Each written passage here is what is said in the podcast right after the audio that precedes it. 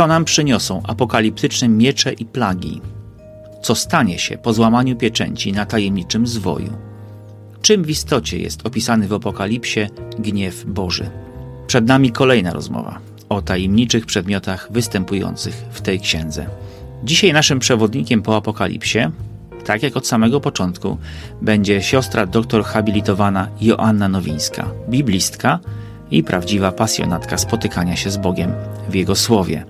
Od ponad 20 lat specjalizująca się właśnie w księdze Apokalipsy. I już tradycyjnie, zanim zaczniemy, gorąco zachęcam do lajkowania, zadawania pytań i komentowania dzisiejszego odcinka. A tych, którzy są tu po raz pierwszy, do obejrzenia, odsłuchania poprzednich rozmów tej serii. Ja nazywam się Przemysław Krawczak, a to jest Spiżarnia Wiary, gdzie rozmawiamy o wierze, Biblii i Kościele.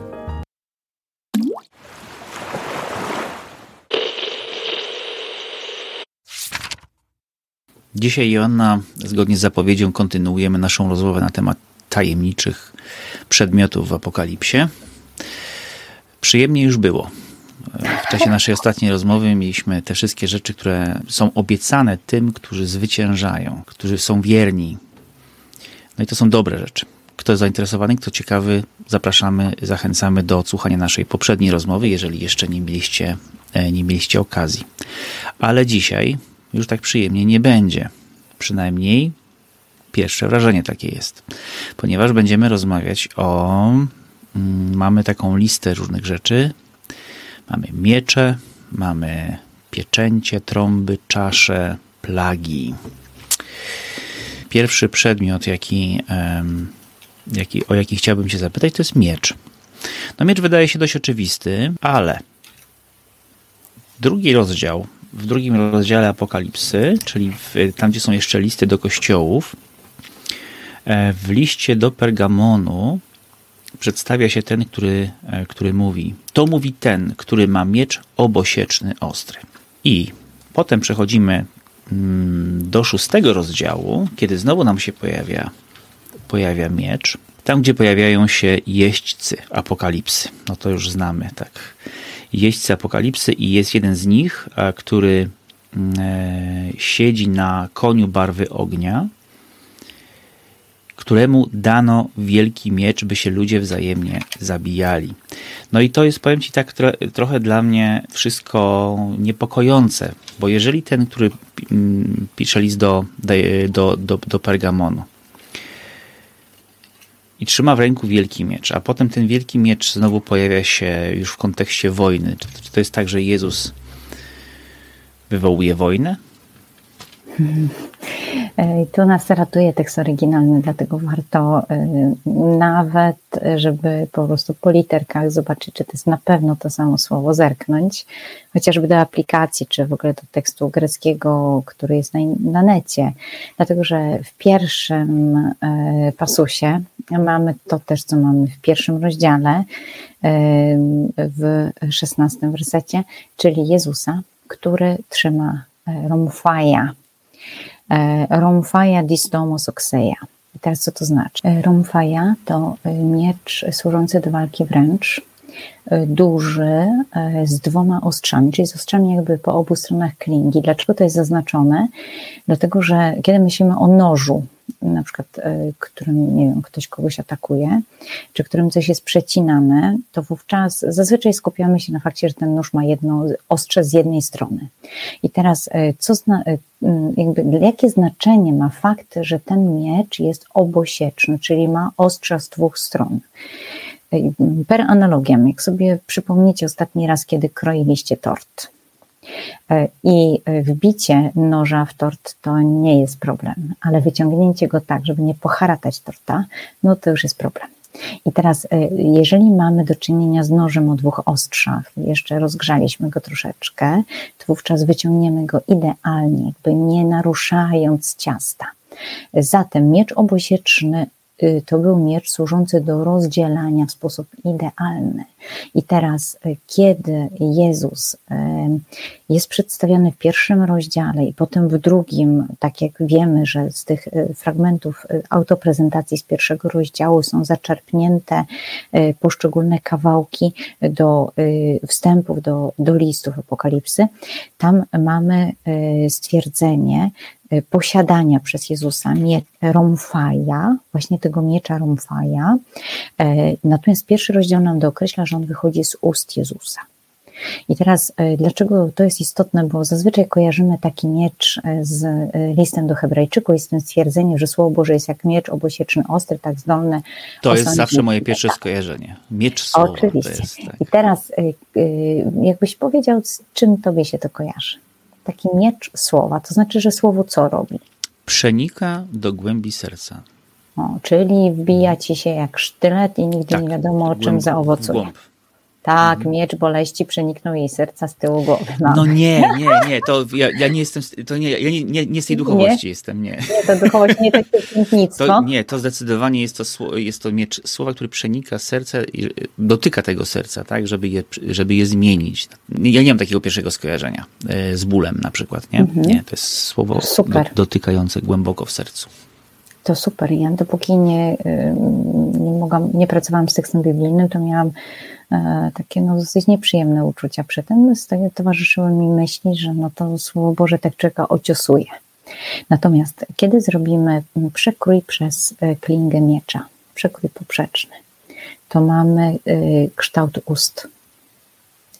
I teraz chodzi o to, że przekaz ze strony Pana Boga którą kieruje do nas, ta komunikacja, ona jest taką komunikacją bardzo rozjaśniającą. Jest jak właśnie krojenie torta, że te obie strony, czy obie części po obu stronach tego miecza, tego noża, one pozostają nienaruszone, są idealnie rozdzielone. I teraz, kiedy wchodzi Pan Bóg, to idealnie rozdziela od razu przy nim widać, gdzie jest światłość, gdzie jest ciemność, gdzie są rzeczywistości z nim związane, a gdzie tych rzeczywistości, gdzie jego nie ma, jakby został wypchnięty. Natomiast e, e, drugi rodzaj miecza, czyli Mahaira, ten, który pojawia się w szóstym rozdziale, w czwartym wersecie, to jest taki mały sztylecik, który zazwyczaj noszono za e, rzemykami sandałów po to, żeby uderzyć kogoś z nienacka. To nie jest, mimo że tam jest określone, że to jest wielki e, miecz, to jest Mahaira e, Megale, ale nie mamy tutaj, nie możemy tutaj zaprzeczyć faktowi, że to jednak jest sztylet, czyli wielki jakby uderzenie z, z zaskoczenia, nieprzyjazne, e, mające zranić głęboko. I teraz, jak porównamy sobie te dwie kategorie, Jezus, który w sposób jawny, transparentny rozdziela rzeczywistość. I teraz nie mamy nigdzie Jezusa, który atakuje tym mieczem kogokolwiek mamy porównanie jego komunikacji właśnie do takiej transparentności, do takiej jasności. To nie jest e, stwierdzenie, że e, Romfaja służy Jezusowi do tego, żeby walczyć z wrogami. Nie. To jest rozdzielanie rzeczywistości po to, żeby człowiek e, widział. Natomiast Mahaira towarzyszy między innymi temu jeźdźcowi drugiemu. To są postaci, które jakby stanowią takie, hmm, e, otwierają, nie stanowią, tylko otwierają takie rzeczywistości, czy wydobywają takie rzeczywistości, symbolizują takie rzeczywistości najtrudniejsze z naszego życia, e, jak e, w tym przypadku na przykład wrogość międzyludzką, taką nawet w tych przestrzeniach, gdzie są więzi. No właśnie, wiesz, bo jak mówiłaś o tym, o tym, że to jest taki miecz, który się trzyma gdzieś tam, w, no nie wiem, to jest taki sztylet. Zanadrzu. Tak? Zanadrzu, tak. No to bardziej właśnie kojarzy mi się z jakimś podstępem, nie? Z czymś tak. takim, co jest y, właśnie niespodziewane, nieoczekiwane, nieprzyjazne. Nie? Bo tak. ten pierwszy miecz, rzeczywiście ono oddziela zło od dobra, ciemność od jasności. Bo to jest w ogóle szerszy problem, nie? W, o tym jeszcze będziemy rozmawiać w, w, naszych, w naszych apokaliptycznych odcinkach. Tak, w ogóle cała historia dzieje się podczas kiedy baranek przełamuje e, pieczęci na księdze i, i to jest jakby komenda jednej z postaci, która mówi przyjdź i oto, y, i oto przychodzą poszczególni, e, pojawiają się ci poszczególni jeźdźcy, jeźdźcy apokalipsy, no i między innymi właśnie, właśnie ten. Więc ten jeździec, no, on również wykonuje wolę Bożą w ten Nie, sposób? ponieważ on ma Mahaira. To nie jest, to nie jest narzędzie, którym posługuje się Jezus. No okej, okay, dobra, ale te, rozumiem, te dwa, tak. te dwa miecze to są dwa różne miecze, dwie różne, tak. his, dwie różne historie, dwie różne, nie, nie tak. identyfikujemy tego. Tak, dwa... Ale ten jeździec i to, co on robi i to, że on używa tego miecza, tak. No, Rozumiem, kojarzysz jeźdźca z jeźdźcem, tak? Pobrzmiewa ci gdzieś Jezus na białym koniu z XIX Nawet nie, wiesz, bardziej chodzi o to, że on jest wysłany przez, nie wiem, przez Jezusa, czy przez niebo, bo to, to jakby to jest... Nie, nie ma nie? wysłany. E, wyszedł, ex elten, wyszedł. Dobrze, to żeby nam było łatwiej. E, koń dla starożytnego Semity to jest synonim wojny. Nigdy nie było jazdy dla celów rekreacyjnych, Żydzi nie hodowali koni. Jeżeli je zdobywali, to przeważnie nie wiedzieli, co z nimi zrobić, e, więc często im łamali e, nogi. kojarzyły się im konie z rydwanami, z ekspansją e, i jeszcze w gorszym wydaniu, jeżeli na koniu siedział łucznik, to wówczas klęska była murowana, dlatego że wcześniej, jeżeli rydwany wjeżdżały w piechotę, rydwan funkcjonował jak czołg. Jedno, jeden wjazd w piechotę i kilkanaście e, żołnierzy za jednym zamachem leży. Natomiast łucznik na koniu, e, na przykład partowie mieli takie armie, łucznik na koniu unoszący się jeszcze w strzemionach, to jest obraz wojny, e, obraz agresji, której nie jesteś w stanie powstrzymać, ponieważ się nie obronisz, lotu strzały nie przewidzisz. I dlatego, kiedy mamy na pier w, pierwszym, w pierwszej odsłonie tego właśnie łucznika, na koniu. To jest ogromne zagrożenie. Bo co w pierwszej pieczęci. Teraz, kiedy mamy w drugiej pieczęci kolejnego jeźdźca, czyli jakby kolejny jest obraz zagrożenia wojny związany z podstępnymi uderzeniami, czyli atakują cię ci najbliżsi, ci, od których byś w życiu nie spodziewał się i to nie jest e, atak, przed którym jesteś w stanie, który jesteś w stanie przewidzieć. E, kolejne e, to jest e, doświadczenie głodu, doświadczenie też oszustwa, wyzysku. To, jest, to są kolejne odsłony takich uderzeń mocnych, które działają na nas per analogią jak wojna, jako takie zagrożenia, których nie jesteśmy, którym nie jesteśmy się w stanie oprzeć, nie jesteśmy w stanie się przed nimi ochronić. One po prostu są. I kolejne śmierć i otchłań, to jest rzeczywistość, której jakby, której wszystkie pokolenia się boją.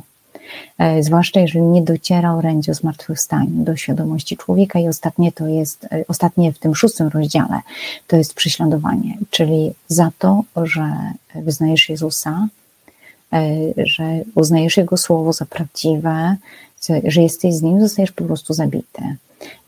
I, i teraz te wszystkie pieczęcie otwierane one mają swoje źródło we wcześniej w piątym rozdziale w zwoju.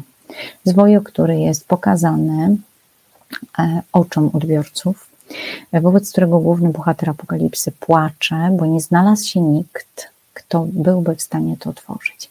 Teraz popatrz, jak patrzymy na przykład na zalakowane dokumenty ze starożytności sobie myślimy, jakie to musiało być trwałe, bo to nikt e, nie ośmielił się takiego laku złamać, jeżeli to nie do niego było skierowane. Teraz mamy trochę taki zalakowany zwój. Kto może go złamać? Kto może te pieczęcie złamać? Przed maturą w Polsce są pieczętowane drzwi e, poszczególnych sal. Kto może zerwać? Tylko ten, kto prowadzi egzamin w danej sali, ewentualnie dyrektor.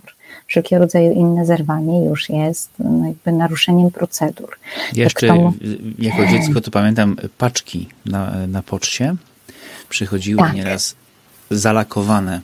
Nie można było jej otworzyć, bo, jakby bez naruszenia e, tych, e, tych pieczęci pocztowych.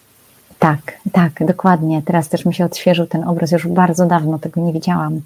I teraz mamy Jezusa, który będzie otwierał. Kto może otworzyć takie pieczęcie? Właściciel albo adresat.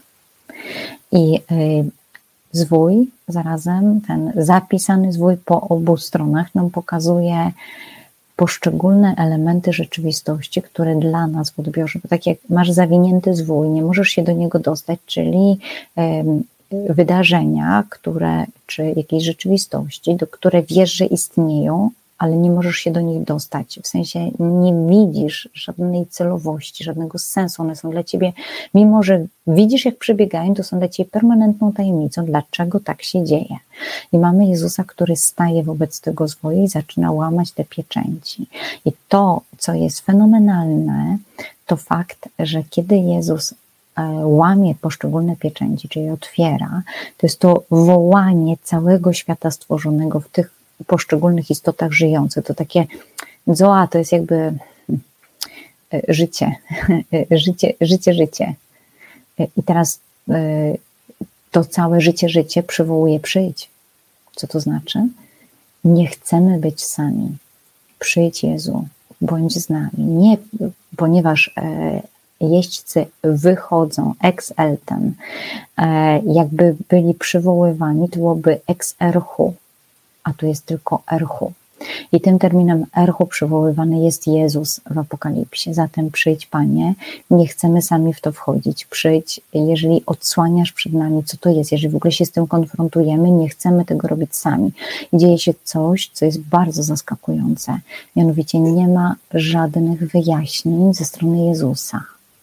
I tak jakbyśmy sobie wzięli księgę Hioba, to mamy Boga, który nie mówi Hiobowi, słuchaj stary, wiesz, no po prostu tak jest życie, tak, ty też ten rozrabiałeś, no to wiesz, no to tak należało ci się. Co nie wręcz przeciwnie. Mamy Boga, który zabiera Hioba na wycieczkę krajoznawczą, jak ksiądz profesor Iwański to świetnie określa, na wycieczkę krajoznawczą, żeby go odbić od jego doświadczeń. I mamy tu Jezusa, który wchodzi jakby do środka, jest z nami. I co to zmienia? Ten, kto jest Panem świata, ten, który jest Panem świata, jest z Tobą w tych doświadczeniach. Czyli jest tak, jeżeli ja to dobrze rozumiem, że te, te zagrożenia, bo konie sygnali, sygnalizują zagrożenia, niebezpieczeństwo, tak? W tej, w tej wyobraźni tak. semickiej. Znaczy trudne doświadczenia. Mhm. Tak, konie sygnalizują wojnę, tak. zagrożenie, niebezpieczeństwa, pieczęci to te nasze trudne doświadczenia. I one się dzieją wobec, jakby Jezus jest w tym, tak. ale nie On jest źródłem tego zła. Nie on, nie, to nie On, to nie Bóg wysyła na ziemię te, to niebezpieczeństwo, te konie, tych jeźdźców, tak?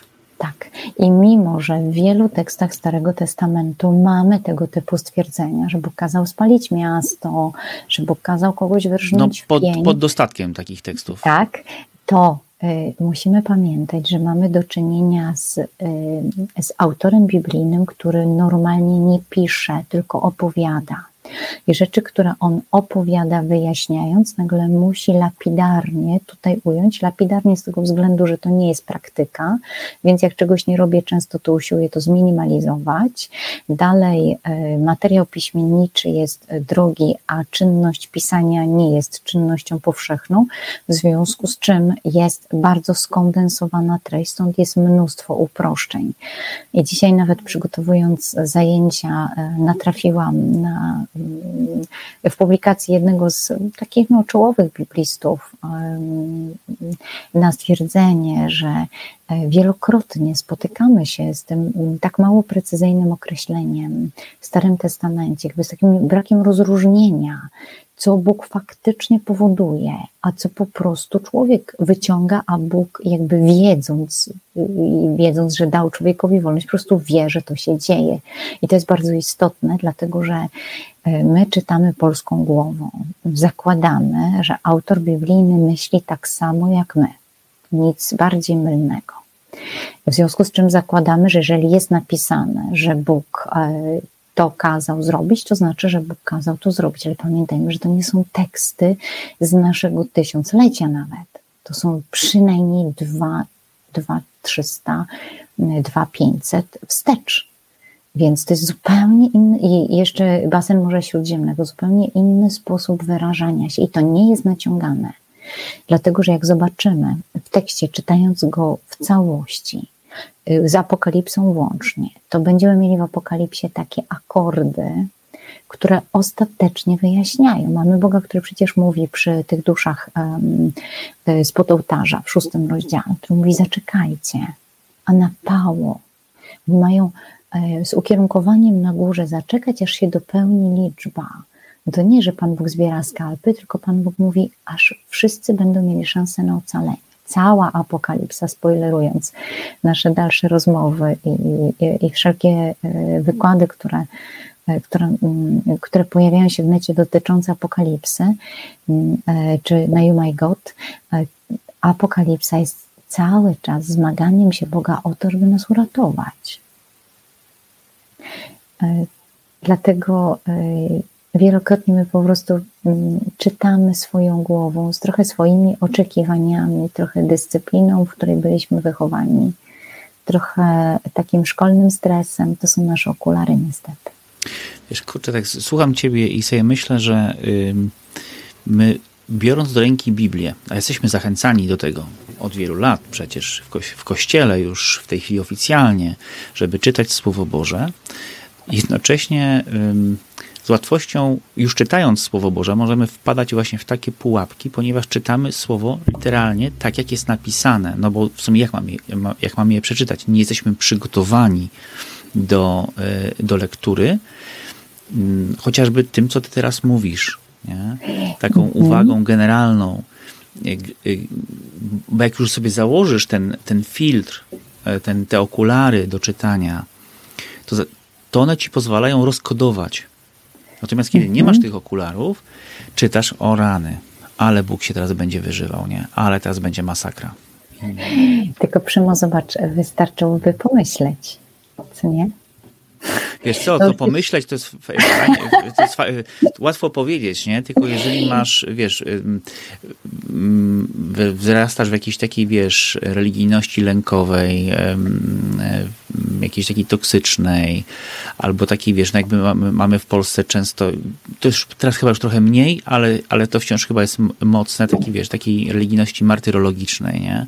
Mhm. Y, no to ten Bóg naprawdę tutaj to, to wszystko się spina, nie? że to, to, to od Boga to jest. Tak, nie? tylko y, zobacz, otwieramy Antygonę i ratuje nas to, że pojawiają się słowa, których nie znamy.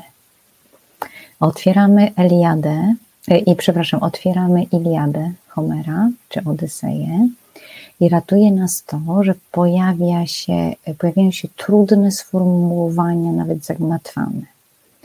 Otwieramy Biblię, do której jesteśmy przyzwyczajeni i nie czytamy zazwyczaj tych fragmentów trudniejszych, typu Księga Kapłańska, liczb, e, i uważamy, że wszystko rozumiemy.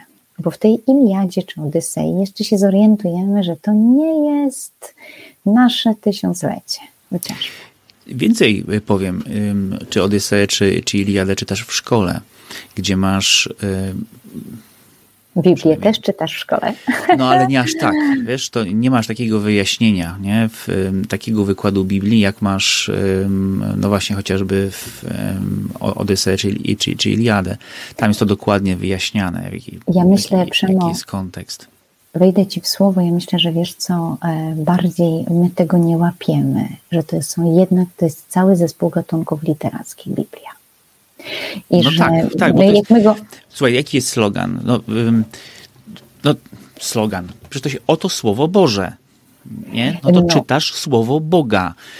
I nie rozróżniasz teraz, wiesz, czy, czy to masz w księdze Jeremiasza, to jest inne słowo Boga niż w Apokalipsie i w liście, albo w Ewangelii Marka i tak dalej. No ja to oczywiście teraz troszeczkę już tak, wiesz, tak, tak, tak. upraszczam, nie? Ale, ale jak ktoś jest niewyrobionym słucha, słuchaczem czy czytelnikiem, no to to jeszcze psalmy, czy pieśń nad pieśniami. No okej, okay, to, to widać, ewidentnie to jest inny gatunek, tak? Tu masz poezję. No ale jak masz prozę, tak, ale zobacz, jedziesz do Egiptu i nie będziesz się awanturował, że nie ma kajzerek na śniadanie. Bo jakby zanim pojedziesz do Egiptu, to sprawdzisz, czy będą kajzerki, czy nie będzie kajzerki. Co więcej, ty oczekujesz, że będzie coś innego. Tak. I teraz nie po siadasz do, do Biblii. Egiptu, żeby jeść kajzerki, to sobie już w domu zjeść, nie? Tak. I siadasz do Biblii i myślisz, wszystko wiem? No właśnie. Spotkam osobę, Ja tu bym jeszcze ruszyła e, jeden temat, który myślę, że to jest bardzo nośny w Apokalipsie, plagi, bo to jest kolejna odsłona e, rzeczywistości bijących nas po piętach. I kiedy przyglądamy się samemu terminowi, to on wywodzi się od hebrajskiego makkepa, a makkepa czy, czy nekep to jest stwierdzenie, które opisuje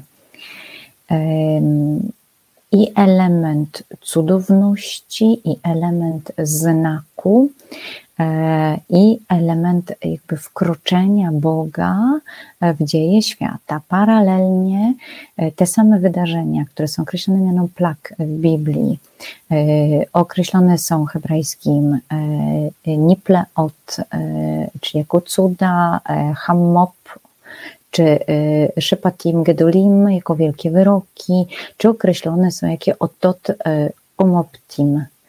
Co to znaczy? Czego przywołuję te hebrajskie terminy? Dlatego, że termin y, grecki plege jest terminem, który wyrasta na tej semantyce. I teraz okazuje się, że istotą plagi nie jest to, co my rozumiemy za plagę, czyli Pan Bóg przywalił Egipcjanom, prawda? E, Zesłał no to jest chyba właściwie w naszym języku, w, naszym, w naszej wyobraźni takie natychmiast pierwsze a, a, często jedyne skojarzenie, tak? Siedem, znaczy tak, no siedem plagi, e, tak, plagi tak. egipskie. To plagi tak. egipskie generalnie. Plagi to, to, to, to się skleja, tak? Mhm. Nawet się nie mówi plagi, tak. tylko plagi egipskie. Więc to Bóg przywalił Egipcjanom. E, tak, i teraz to jest jakby nasz ogląd Natomiast to, co jest akcentowane w semantyce słowa, i zwróćcie uwagę, to jest znowu zmiana semantyczna, taka jak e, w przypadku słowa apokalipsa.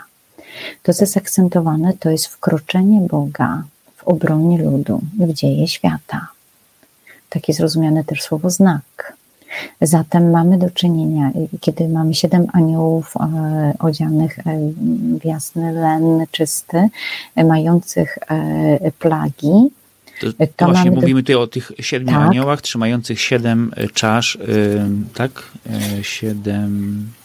Nie, trzymających siedem plag, tych ostatecznych. Tak. Mhm. Czyli trzymają tak naprawdę siedem doświadczeń, czy siedem takich momentów, w których wkracza Bóg w dzieje, w dzieje świata. Po to, żeby człowiek doświadczył tego, że, że Bóg jest, że Bóg go nie zostawił. Ja zobaczę, jaka to jest zasadnicza różnica, że jeżeli ja wiem, że w tych wydarzeniach e, wkracza ktoś, kto mnie kocha, to wiem, że on mnie ocali. Ale e, jeżeli mam przekonanie, że to jest osoba, która wkracza, osoba, która mi zagraża, no to e, oczekując e, na te wydarzenia, będę się po prostu bać. Zatem to nie jest kwestia tego, co rozumiesz pod słowem plaga, jak również też tego, a dalej kwestia tego, kogo oczekujesz działającego tutaj, nawet jak już znasz, roz, znasz znaczenie słowa plaga. Znaczy ja jakby rozumiem, e, e, rozumiem twój zamysł, bo ty jakby zawsze stajesz w obronie Boga, nie? Że nie, zawsze, ja że on, zawsze jest po, że on zawsze jest po naszej stronie i chce naszego dobra. Ale chyba jesteśmy w takim punkcie, w takim momencie z tymi plagami, to mhm. naprawdę ciężko jakby to, to, to obronić, bo bo to już jest ewidentne, tak? To jest siedem ani siedmiu aniołów, siedem plag, które są, no to już jest, i, i to jest jeszcze wprost powiedziane w 15 rozdziale w, e, w w pierwszym wersecie, siedmiu aniołów trzymających siedem plag, tych ostatecznych, bo w nich dopełnił się gniew Boga. No, no i, potem, i... i potem jest opis, i potem jest opis tych, e, tych plag. Y, tak, i teraz stój. Bo teraz to, jest tu masz jakieś wrzody złośliwe. Jak sobie poczytajcie, zapraszam. 16 rozdział Apokalipsy, tylko nie przed snem. E, wrzód złośliwy, bolesny. E, potem jest, e, wody są, morze jest zatrute. Potem jest,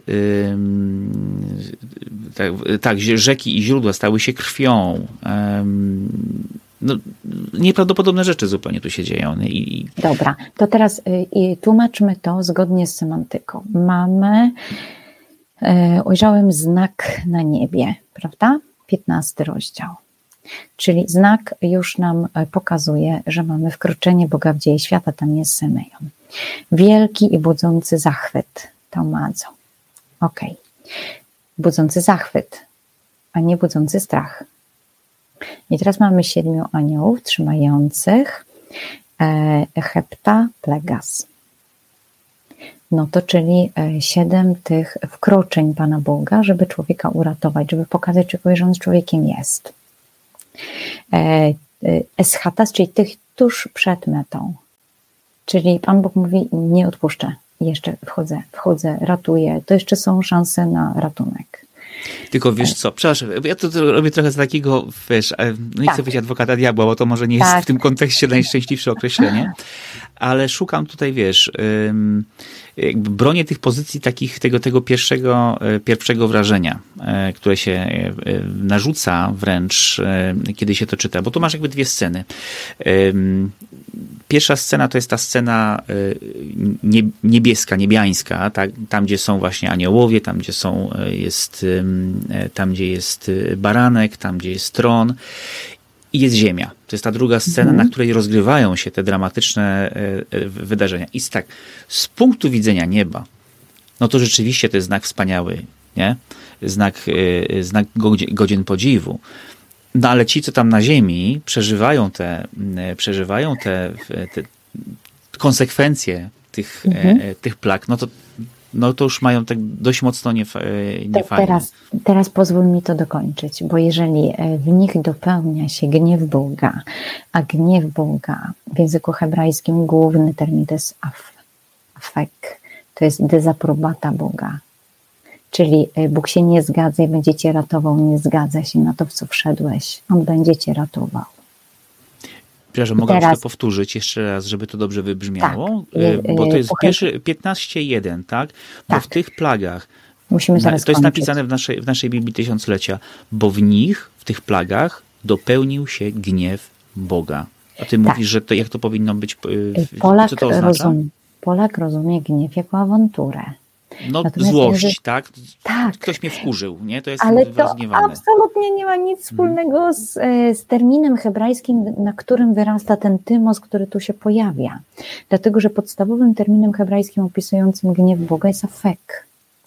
Afek to jak afe, afuj, co nie? On wyraża dezaprobatę Pana Boga wobec tego, co się stało, wobec wyboru człowieka. I mówi, nie, ja nie odpuszczę tak, a fuj, chciałem Ci pokazać, że to jest a fuj, nie dotykaj tego, ratuj się z tego, daję Ci teraz narzędzia, żebyś jakby mógł tego się uchwycić i wyratował się z tego. Zobacz, wszystko zależy od tego, jak rozumiesz dane pojęcia. I teraz idziemy dalej, jak e, są wylane te czasze, w które czasze, czyli e, te naczynia używane w świątyni do wszelkiego rodzaju kultycznych rzeczy, czyli poświęcone Bogu, a nie czaszki, prawda, nie cmentarz, tylko te naczynia, które są na co dzień jakby oddane Bogu, no najświętsze, jak nie wiemy jakie święte, to wystarczy sięgnąć do piątego rozdziału Księgi Daniela. I teraz te czasze są y, pełne tego, tego niezgody Pana Boga i Pan mówi, nie, ratujemy się, ja wkraczam, żebyś się uratował. I teraz y, co się dzieje, kiedy jest wkroczenie Pana Boga? Jak reaguje człowiek? Czym są wrzody? I to będzie tylko pierwszy akcent, dlatego że nie zdążymy tego dzisiaj zrobić. Czym są wrzody? Kiedy wychodzi na zewnątrz coś, co miałeś w środku, i tak Żydzi też na to patrzą. I teraz przy styku z Bogiem wychodzi to, co masz w środku, cała zgnilizna, cały fetor wychodzi na zewnątrz. I teraz jest pytanie, co ja z tym zrobię? I smutek, który się tu pojawia, że oni nie nawrócili się, nie obrócili się ku Bogu. To wylazło i teraz mogę wołać, Boże, ratuj. Ale człowiek mówi, Bóg jest zły a generalnie jak ci pęknie wrzut, w sensie wyleje się na zewnątrz jakiś strup, to myślisz, Boże, nareszcie, co nie, ile to się zbierało i jak długo to będzie się działo.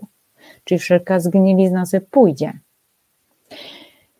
To tak na dobry apetyt. Myślę, Przemo, że będziemy do tego e, wracać. Słuchajcie, możecie wierzyć albo nie. My naprawdę nie mieliśmy takiego zamiaru, że, że te, nasze, te nasze rozmowy o apokalipsie będą t, tak naprawdę mm, z, z, takimi e, suspensami, e, jak w dobrych kryminałach. Po, po, prostu. A nie chcemy, żeby te, żeby te odcinki były jakoś strasznie długie, więc wolimy na, nawet właśnie zawiesić w takim momencie rozmowę, poczekajcie, za tydzień będziemy kontynuować. Także zapraszamy, I zapraszamy już, Was już teraz. też do tego, żebyście czytali ten tekst. Zapraszamy Was do tego, żebyście mhm. czytali ten tekst. Czyli z tej perspektywy, z takim rozumieniem, jeśli e, budzi to e, wasz, e, waszą niezgodę, nie przejmujcie się tym. Nie musicie się ze mną zgadzać. Generalnie słońce świeci bez względu na to, czy zgadzamy się na to, że ono świeci, czy nie. Słuchajcie, Więc... ja generalnie rozumiem, bo to też się pojawia w komentarzach. Czytam komentarze i pojawia się takie, wiecie, też zamieszanie że to jest trochę takie, wiecie, no właśnie na siłę, e, ta, taka interpretacja, która nie wynika z tego tekstu, tylko jakby założenie wstępne jest robione i tak dalej. I jakby rozumiem to wrażenie. E, więc uwaga, teraz jest czas na e, lokowanie produktu. Jeżeli czujecie się mm, zamieszani w tym właśnie jak czytać Słowo Boże, jak, jak w ogóle podejść, czujecie, że brakuje wam narzędzi do rozumienia Słowa Bożego, zapraszamy. Serwis You My God. Siostra Joanna prowadzi tam narzędziownie.